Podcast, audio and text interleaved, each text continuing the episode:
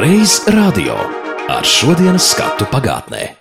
Kā pelnrušķīte, lasot un šķirojot zirņus no putrājumiem, tā radio ilgus gadus skaņas vētī skaņu restaurātors un režisors Jāzeps Kulbergs.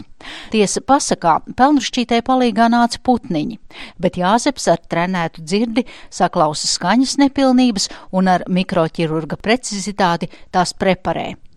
Sirmais kungs, kurš nulli nosvinēja 85. dzimšanas dienu, radio strādā kopš 1956. gada. Savulaik bijis skaņu režijas pasniedzējs mūzikas akadēmijā, saņēmis balvu par mūža ieguldījumu Latvijas mūzikas attīstībā, kā skaņu režisors strādājis gan pie animācijas, dokumentālajām un spēļu filmām, bet tagad ielūkosimies Jāzepa Kulberga skaņu restaurātoru darbā. Radiofonotēkā glabājas unikāls materiāls. 30. gadu vidū dzēniece Aspazīte teica apsveikumu runu, kas bija veltīta zemgalei un toreizējam valsts prezidentam Kārlim Ulmanim. Taču plate, kurā šī runa tika ierakstīta, bija sabojāta. Tā laika, kad mainījās varas, Aspazija bija nevēlama ar savu runu sevišķi, ka viņi labvēlīgi izteicās par ulmaņa apvērsumu, un tā plata bija tīšām sabojāta.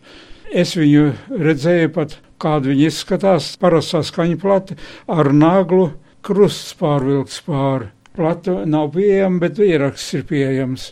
Tātad divi veidi. Pirmais būs tā sabojātā plate ar naglu saskrāpētā. Atnākusi lielā tautas diena visā Latvijā. Atnākusi lielā svētku diena zemgalē.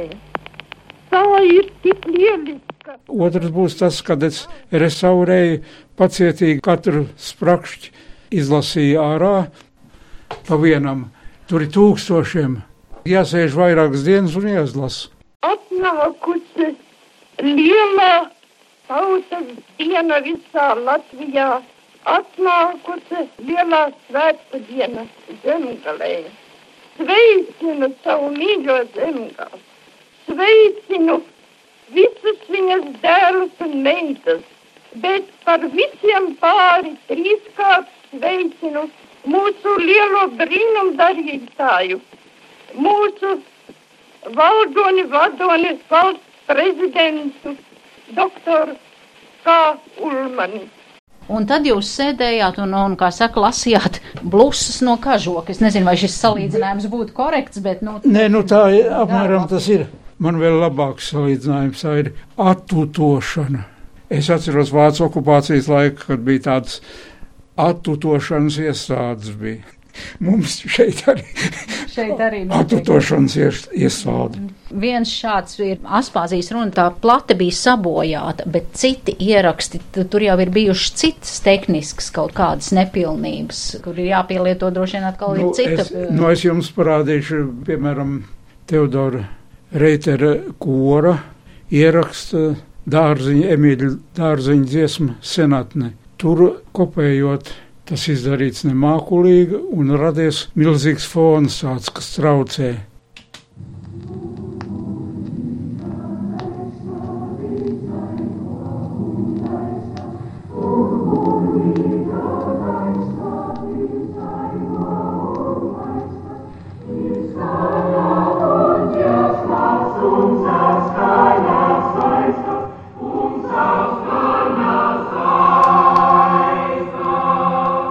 Tagad es parādīšu, kā viņš man ir restaurēts. Man jāsaka uzreiz, ka es neesmu brīnumdars un, un visu izdarīt nevar. Šo to var izdarīt, uzlabot tikai.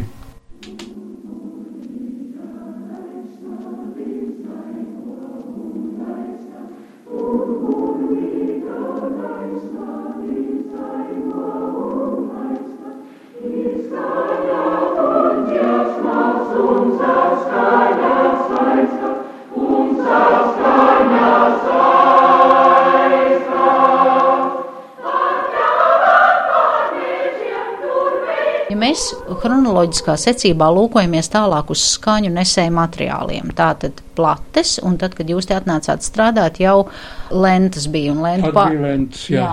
tad bija lentas. Šobrīd eh, nevar parādīt par radio, bet sēž jūsu darbistabā, un te ir divi lieli lenšu magnetofoni, kas, es saprotu, jau arī ir vēsturiska relikvija, rakstīts Made in Hungary. Vispirms jau bija paša savienības ražotie. Tie bija tie MEZ 28, bija MEZ 15, bija nu, normāli magnetofoni bija. Bet Ungāru ražoja labākus, un tad padomu savienība no Ungārijas viņas kādā ceļā, es nezinu, tur viņi dabūja vai nopirka, vai atkal Ungāriem kaut ko deva pretī, nezinu. Kas jūsuprāt ir tie unikālākie ieraksti no sendienām, kas mums te Latvijas radio ir tapuši? Nu, jādomā, nu, mūsu tā saucamie, ko mēs saucam oriģināli ieraksti, tie sākās kaut kad 50. gados, tur ir saglabājušies. Man, piemēram, ir Jāņa Dreimaņa senās kāzas nīcā. To, ko viņš veda uz Maskavu, tur bija kaut kāda dekāda. Ja? Tas uzvedums ir mums ieskaņots. Senu dainu zeme, daļu rakstu rakstītāja, gudribiņu krājējiņa, tautas gara kopējiņa. Nīcas ciemiņš mazciemiņas, bet raženi turējāsi, visas mazas meitenītes. 1955. gadā diriģents, komponists, pedagogs un ērģelnieks Jānis Dreimans, gatavojoties latviešu literatūras un mākslas dekādei, pēc etnogrāfiskiem materiāliem komponēja Nīcas dziesmas uzvedumam Senās kāzas Nīcā. Tolaik padomi Latvijas jaunatnes festivālā Rīgā šis uzvedums iegūja pirmās pakāpes laureāta nosaukumu.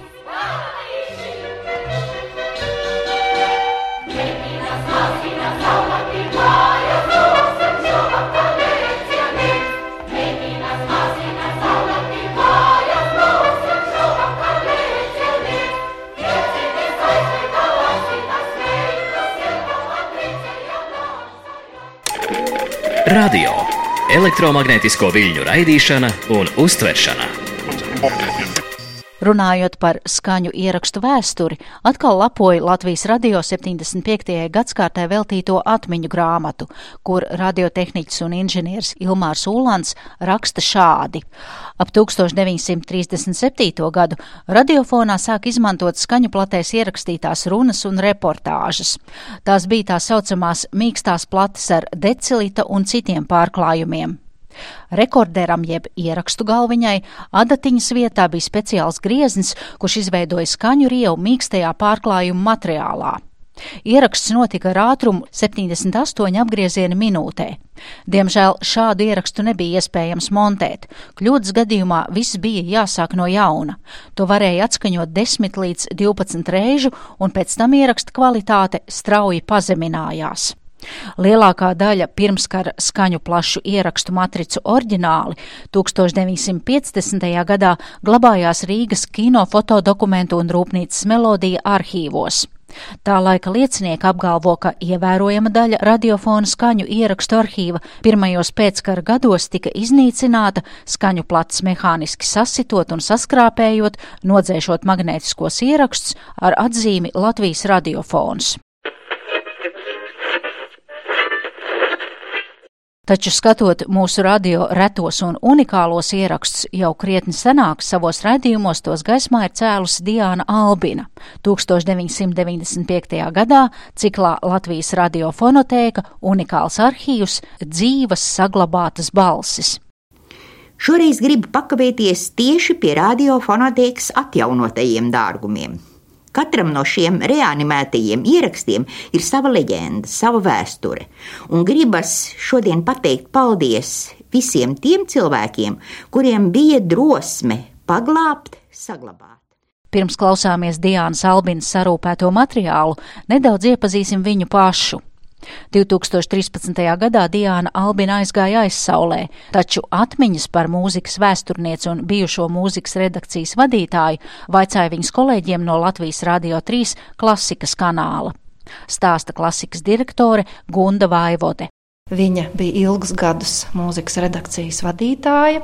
Iepazinu viņu kā enciklopēdisku cilvēku.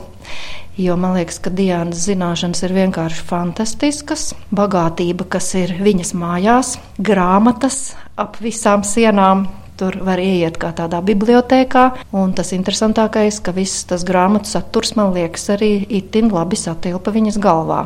Jo, ja bija kāds jautājums, tad Diana zināja vienmēr arī atbild uz tiem.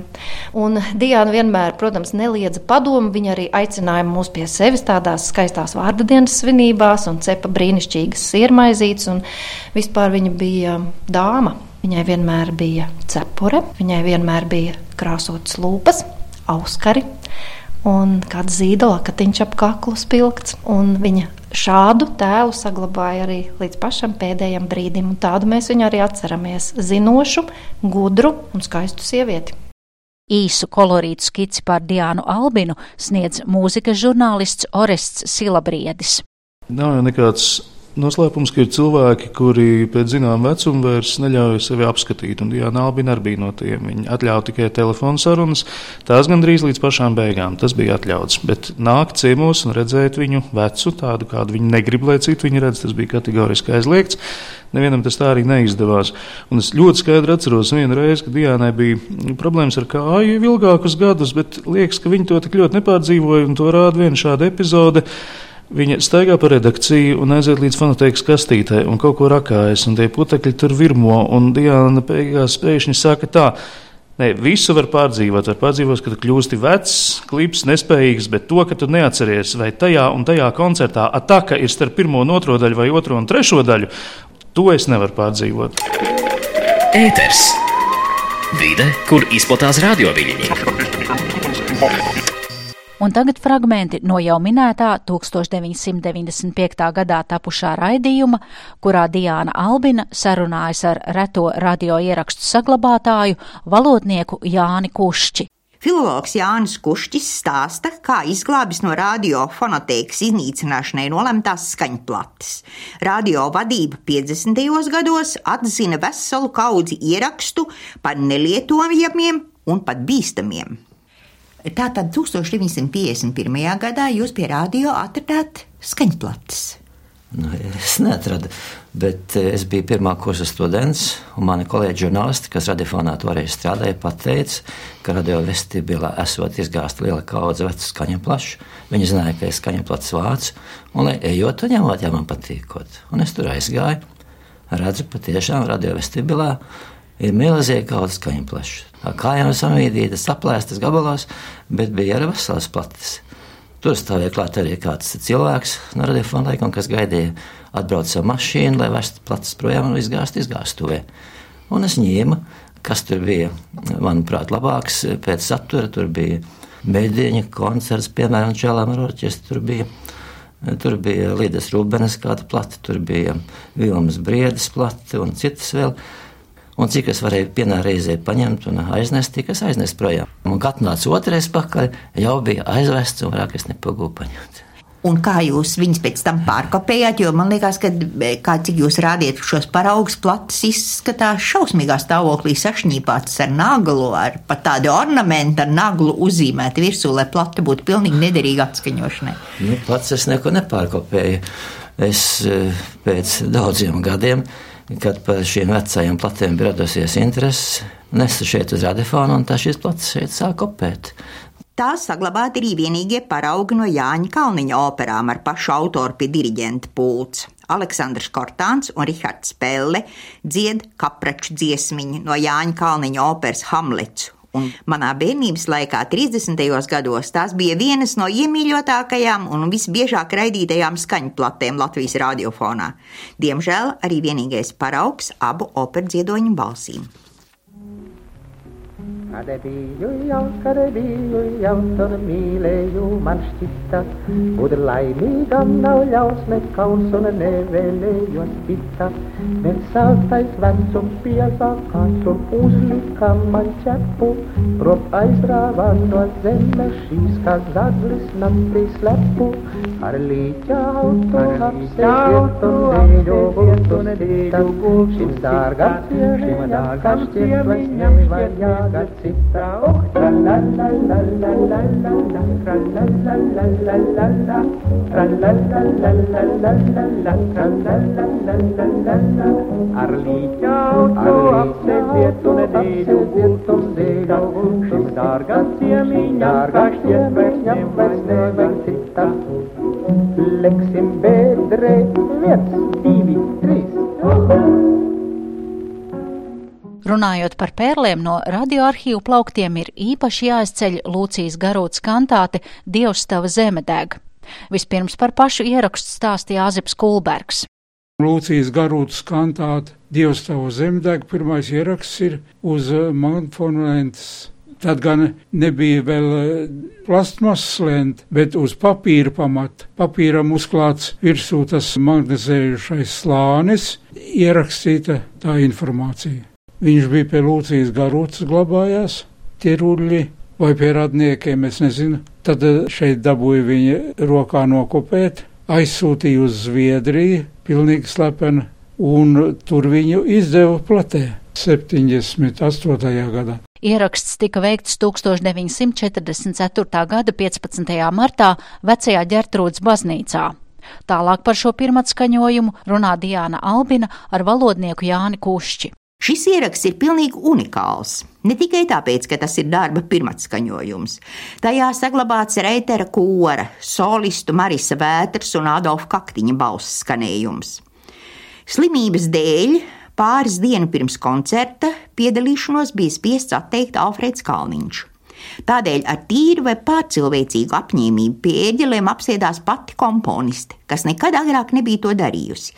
Tas bija neaizmirstams koncerts, kaut arī, protams, ieraksts ir tikai atblāzma un šī notikuma dokumentējums, bet tomēr bezgalīgi dārgs ar savu vēsturisko jēgu.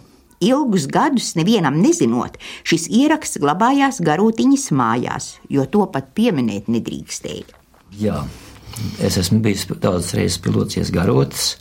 Un viņa kādā reizē, kad mēs par šo kandidātu runājām, čukstus, droši paliek droši, ka kāds nedzird kaut ko, atnesa un parādīja, ka viņai glabāja šī lente.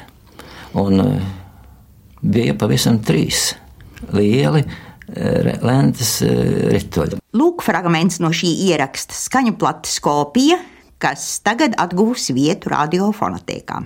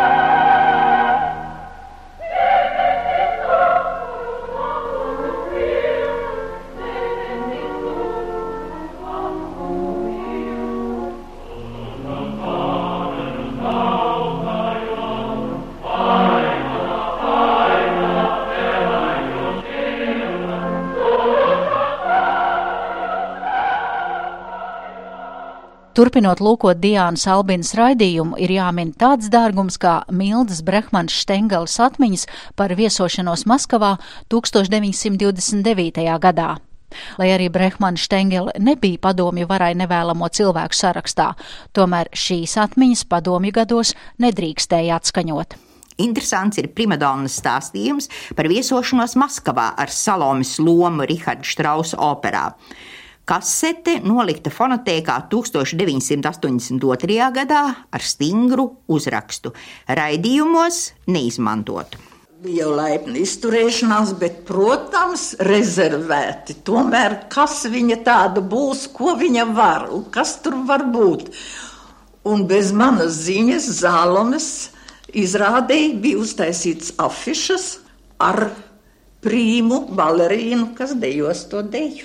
Es palieku mēmē, es domāju, kas tagad te notiks, kas te notiks. Nu, izdomājām tā ļoti veikli tas iznāca.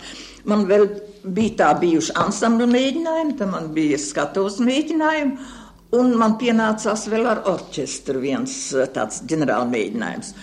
Nu, es lūdzu tam režisoram, vai viņš nevar man to orķestra mēģinājumu dot personīgi priekš to dēļu. Nu, tad man apsolīja to orķestra mēģinājumu. Es biju ļoti uzbudināta, jo tur bija skatu ļoti nērta, liela viņa milzīga, bet mums bija gluda grīda pilnīga te Rīgā. Viņam vienkārši tā ķieģeļa apka bija apaļ, tāda ronda. Tas viss traucēja un tas bija ārā izbīdīts pavisam pilnīgi acīs Staļinam. Tās ložas malā tur sēdēja Varašīlovs un Staļins un šitā viss. Un man vicinot tos veidekļus, tos plīvurs pat laikam es aizķēru vienu otru. Ziniet, tā bija viena liela pārbauda. un tā es to dēļu izpildīju, un kad bija nobeigusies tā mūzika, tā bija pērkoņi dimdoši aplausi zālē. Bet nu steidzam pienāk pie maniem režisors un saka, Ради Бога, извините, извините, только вы, и никто другой, вы сами будете танцевать, играть и делайте, что хотите. Un man bija rokas brīvs, es varēju spēlēt, kā es gribu. Izskan reiz radio, un paldies par raidījumu tapšanu saku skaņu režisoram Jāzepam Kulbergam, fonotēks vadītājai Gunai Rāgai un kolēģiem no Radio Klasika. Raidījumu veidoja Zane Lāce. Reiz radio.